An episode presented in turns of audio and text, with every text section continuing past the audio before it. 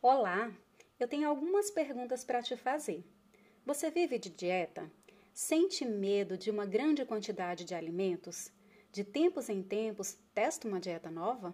Se sente perdido sem saber como comer quando não tem uma regra nutricional escrita? Está sempre achando que o tamanho do seu corpo deveria ser menor? Você vive feito sanfona, perdendo e reganhando peso entre uma dieta e outra? Você gostaria de ter uma relação melhor com a comida e com o seu corpo? Se a sua resposta foi sim para essas perguntas, eu, Érica Meira, te convido a conhecer um pouco mais sobre a alimentação intuitiva e seus princípios-chave.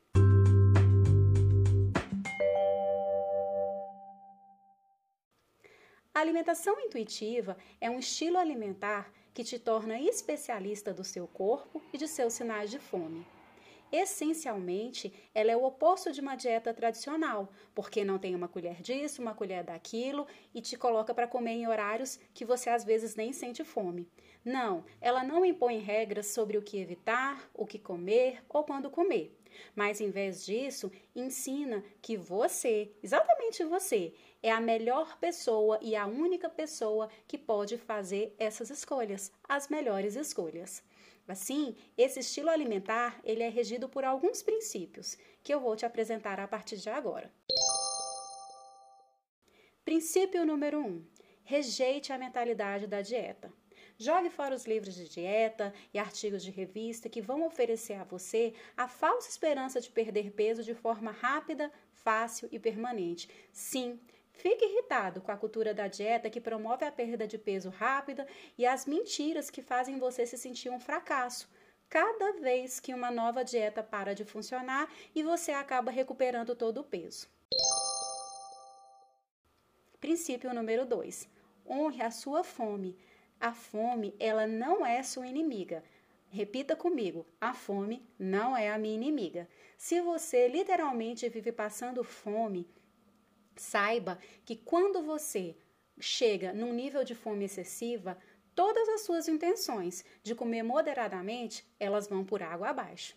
Então, aprender a honrar esse primeiro sinal biológico prepara o terreno para reconstruir a confiança em você mesmo e na comida, e também para que você não coma em excesso por estar com fome demais.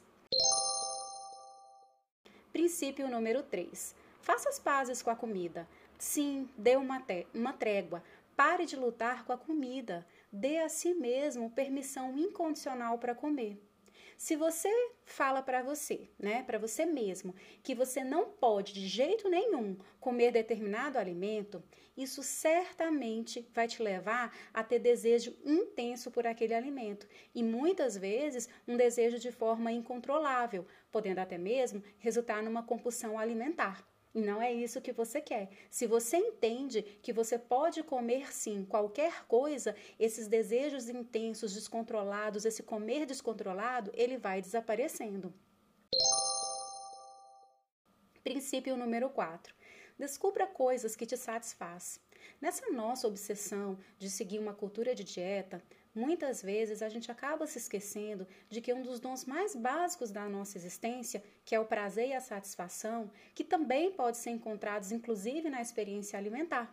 Quando você come o que realmente você deseja, num ambiente convidativo, o prazer obtido vai ser uma poderosa força para te ajudar a se sentir satisfeito e contente. E quando você é, se dá ao luxo, né? Não posso dizer ao luxo, mas hoje em dia as pessoas entendem que isso é um luxo, de te dar essa experiência, você vai descobrir qual a quantidade certa de comer é, daquilo que se você já está satisfeito ou não. Se aquele tanto que você comeu é o suficiente. Princípio número 5. Honre sua plenitude. Assim como o seu corpo te avisa quando está com fome, ele também te fala quando está saciado. Então, observe os sinais que te dizem se você está confortavelmente cheio. Você não precisa sair é, do término do almoço, do jantar ou de uma refeição explodindo de cheio. Saia confortavelmente cheio. No meio da refeição, faça uma pausa e se pergunte: Será que eu preciso de mais comida? Qual o sabor dessa comida? E qual que é o meu nível de fome atual agora? Essas são perguntas poderosas que podem te guiar a entender se nesse momento você precisa ou não de alimento ainda. Princípio número 6. Lide com suas emoções com bondade. Encontre maneiras gentis de se confortar, nutrir, distrair e resolver seus problemas. Ansiedade, solidão, tédio e raiva são emoções que todos nós, infelizmente, né, experimentamos ao longo da vida.